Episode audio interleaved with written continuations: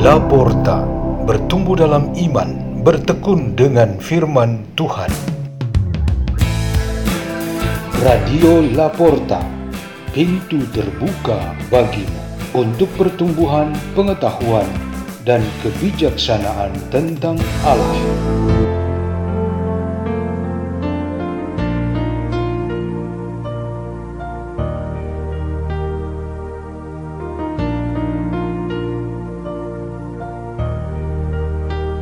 Bacaan dan Renungan Sabda Tuhan Hari Selasa Pekan Biasa ke-31 2 November 2021 Peringatan arwah semua orang beriman.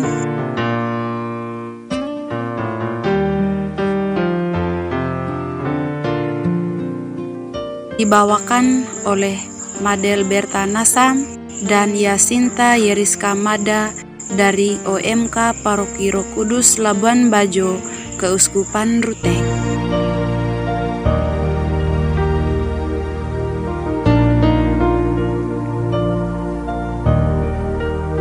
Inilah Injil Yesus Kristus menurut Yohanes bab 6 ayat 37 sampai 40. Dalam rumah ibadat di Kapernaum, Yesus berkata kepada orang banyak, semua yang diberikan Bapa kepadaku akan datang kepadaku, dan barang siapa datang kepadaku, ia tidak akan kubuang.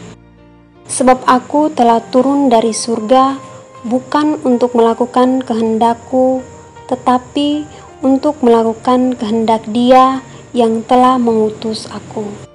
Dan inilah kehendak Dia yang telah mengutus aku, yaitu supaya dari semua yang telah diberikannya kepadaku, jangan ada yang hilang, tetapi supaya kubangkitkan pada akhir zaman.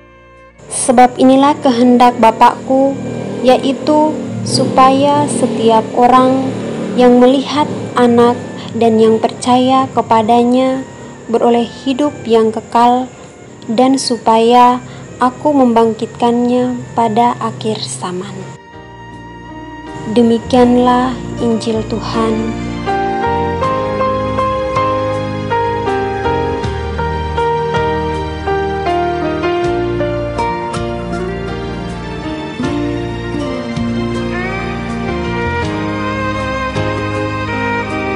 Renungan kita pada hari ini bertema kebangkitan badan dan kehidupan kekal. Pada hari ini kita memperingati arwah semua orang beriman. Kegiatan kita dalam gereja pada hari ini ialah berdoa bagi para arwah itu. Para imam diminta untuk merayakan tiga kali ekaristi umat dapat menghadirinya sekaligus menyampaikan intensi-intensi doa bagi arwah anggota keluarga mereka. Pentingnya untuk memahami peringatan dan tugas doa ini, kita perlu berangkat dari keyakinan iman yang hakiki. Di dalam rumusan doa, aku percaya, kita percaya akan kebangkitan badan dan kehidupan kekal. Para arwah saudara dan sesama kita dibantu dengan doa-doa seluruh gereja, supaya mereka dianugerahi kebangkitan dan akhirnya menikmati kehidupan abadi di dalam surga. Menyebut mereka akhirnya menikmati hidup abadi di dalam surga, ini memiliki makna yang penting ini berarti ada sebuah proses yang dilalui oleh para arwah sebelum masuk surga. Proses ini kita sebut dengan api penyucian. Ajaran yang sangat khas dalam gereja Katolik ini mengandung makna proses pemurnian arwah.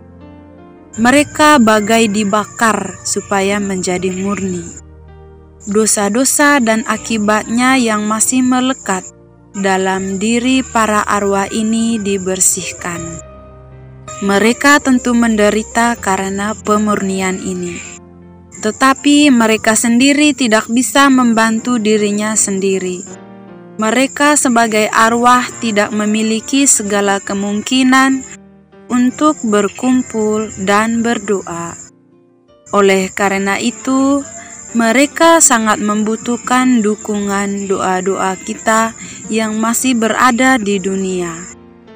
Kitab kedua Makabe dalam bacaan pertama menetapkan dua bentuk bantuan kepada para arwah ini, yaitu doa dan kurban. Doa-doa kita mencakup yang paling sederhana, seperti doa pribadi yang spontan, sampai dengan ibadat Ekaristi.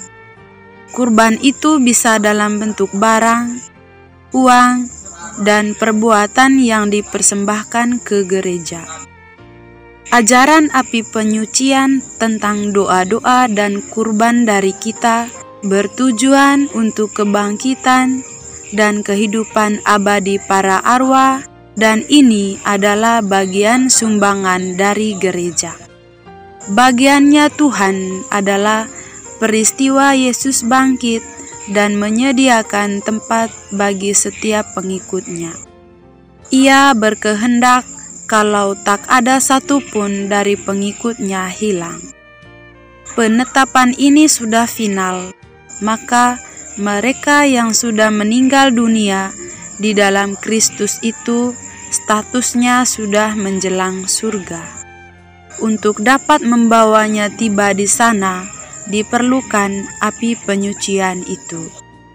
Jadi, hari ini kita melakukan tugas atau tanggung jawab kita sebagai terwujudlah tujuannya, yaitu para arwah dimurnikan demi masuknya mereka ke dalam surga. Marilah kita berdoa dalam nama Bapa dan Putra dan Roh Kudus. Amin.